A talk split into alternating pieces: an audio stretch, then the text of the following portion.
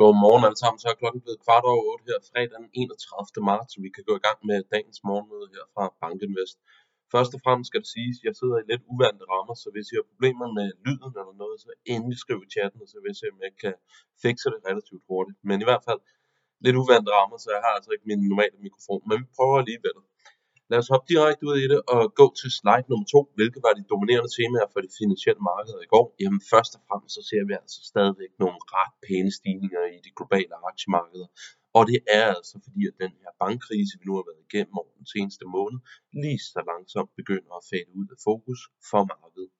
Vi så også en stigning i de lange renter igen, en afspejling af, at bankkrisen lige så langsomt er på vej ud af markedet. Så fik vi nogle europæiske inflationstal, jeg kommer til at vise det lidt senere i den her præsentation, men vi begynder altså at se nogle rigtig, rigtig sjove baseeffekter. Vi så, at den spanske årlige headline-inflation, den gik fra 6 til lidt over 3%. Så det er altså nogle af de rigtig, rigtig vilde måneder, som vi havde for et år siden, der nu begynder at falde ud, og så kommer der nogle lidt mere moderate måneder ind. Så vi begynder altså at se nogle store fald i inflationen.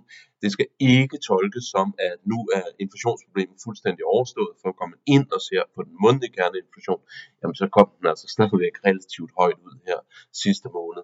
Så der er altså stadigvæk et inflationsproblem i Europa, men de årlige tal, altså det som bliver citeret i aviserne øh, som oftest, de er altså kraftigt på vej ned i øjeblikket. Men øh, ser vi bort fra de her inflationstal, ser vi bort fra de meget pæne aktiemarkeder, så var det altså en relativt stille dag, vi var vidne til. Vi har altså ikke de helt store udmeldinger, hverken fra centralbankerne eller øh, udmeldinger i form af nye økonomiske nøgletal. Så relativt stille dag, vi var vidne til. Jeg synes, det er værd at bemærke den her graf, som også er med på gårdsdagens morgenmøde. Nasdaq, det er altså ved at være tilbage til all-time high, så nu steg vi jo 0,7 procent i går. Så det går altså rigtig, rigtig hurtigt med at lægge den her krise bag os. Og det er altså ikke bare de amerikanske tech-aktier, der klarer det rigtig godt. Hvis vi går ind og ser på MSCI Europe, øh, jamen, så kan vi se, at det på året er op næsten 8%, og da det peakede den 3. marts, jamen, der var det op 9,5%. Så 1,5% penge, så begynder europæiske aktier, selv med den default, vi havde i Credit Suisse, også at sætte nye rekorder. Så igen, utrolig resistens, der er i markedet i øjeblikket, overfor alle de dårlige nyheder. Lange renter, de fortsætter altså med at stige. Den tyske 10 år i 2,37, det er stadigvæk signifikant under det niveau, som vi havde i starten af marts måned. Ikke desto mindre stadigvæk et opadgående pres og en illustration af, at bankkrisen, den begynder vi at lægge bag os, men at vi nok ikke rigtig kan forestille os, at vi kommer til at se de samme renteforholdelser fra centralbankerne, som vi forudså, at vi ville gøre, da vi gik ind i den her måned. Dykker vi ned under overfladen på aktiemarkedet, jamen fortsat cyklisk rotation, som vi er vidne til. Vi ser også growth, det ligger outperformer value aktier. Vi ser at low vol, det havde det relativt tungt i går sammen med small cap aktierne. Men der er altså noget positiv stemning, ikke bare på et headline niveau, men også underliggende i markedet. Igen en illustration på, i hvert fald sådan som jeg tolker det, at markedets fokus lidt så langsomt er begyndt at komme over på væksten, som alt andet lige begynder at se lidt bedre ud, i hvert fald den nuværende vækst. Og så er jeg meget bevidst om, at der er en rigtig, rigtig stor frygt for, at de her stramme kreditvilkår vil gøre væksten op igennem alder, anden halvår af 2023, men det er altså som sagt en historie for anden halvår af 2023.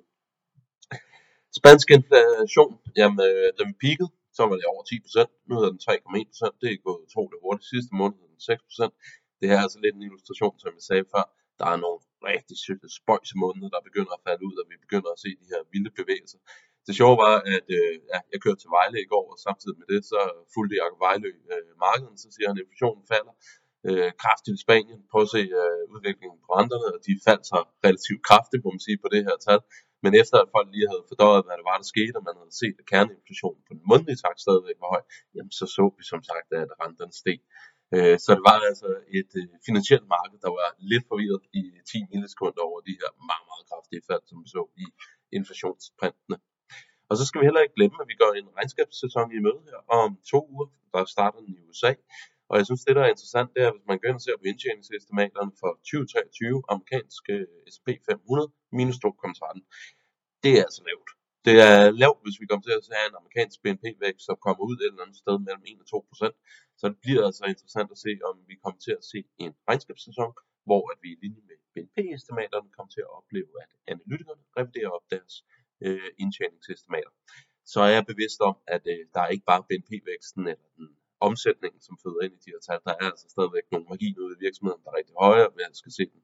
Margin pressure, bla bla bla. Man kan komme med rigtig mange gode forklaringer på, hvorfor den skal være lav. Ikke desto mindre, så synes jeg, at man bør forvente, at de begynder at blive revideret op i en verden, som ser i hvert fald midlertidigt ud til at være lidt bedre på vækstfronten. Markedet for morgenstunden. Positiv marked af Asien, det var lidt modsætning til i går. Vi ser amerikanske aktiefutures, de fortsætter altså op, og jeg tror, det, der er et element af, at de her CTA-fonde, de er ude at købe i øjeblikket. Så får vi PC-inflation i dag. Jeg tror ikke, det kommer til at rykke det helt stort med markedet. Er den lav, så vil den sandsynligvis bare cementere den prisning, som vi har af Fed i øjeblikket. Relativt stille dag, vi går i møde. Der kommer altså ikke det helt store økonomiske nøgletal, hverken fra USA eller Europa. Endelig, så tror jeg, vi skal afvente og se, om der kommer til at blive sådan en risk-off stemning før weekenden. Det bliver jo interessant, om investorerne er bange for, at vi kommer til at se nogle skeletter falde ud, øh, ja, som sagt, her over weekenden. Med de to ord, jamen, så ønsker jeg alle sammen en rigtig god weekend og en rigtig god påske, for jeg går på påskeferie nu, så næste uge er det Jacob Bejdø, der kommer til at gå igennem de her slides. God påske. Hej.